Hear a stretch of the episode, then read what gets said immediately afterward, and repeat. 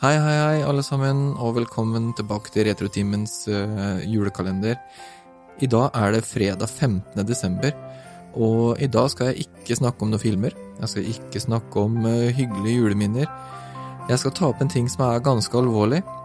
Uh, og det er det å drikke alkohol med barn til stede. Og det er faktisk dessverre sånn at det er mange som mister grepet litt i jula og, og drikker litt for mye alkohol eh, med barn til stede, det er ikke greit, altså. Eh, og faktisk så er det gjort undersøkelser som viser at tre av ti foreldre innrømmer at de har vært berusa foran barn, og faktisk 40 eh, av foreldre har oppfatta andre foreldre som berusa eh, i situasjoner med barn til stede.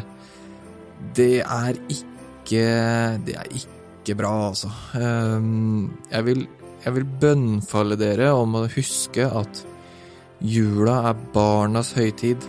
Eh, og, og barn oppfatter eh, mye, mye mer enn det vi tror. Ehm, og det vi må huske på, er at eh, barn merker fort at voksne forandrer seg.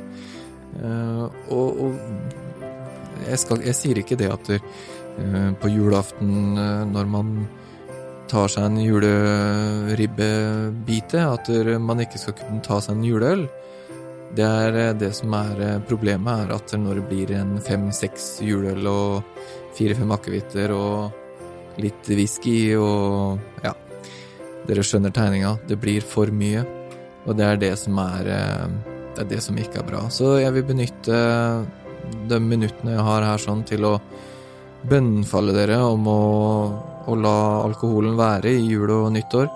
Eh, kos dere heller med barna og ha det, ha det fint med dem isteden. Og la dem ha en eh, minne av jula uten alkohol, for det, det, er nok av barn der ute som gruer seg til jul og nyttår fordi da vet de at Uff, nå kommer den tiden hvor mamma og pappa er, eh, er fulle og, og forandrer seg.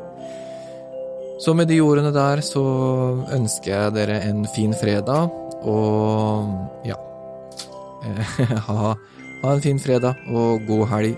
Vi høres igjen snart. Ha det.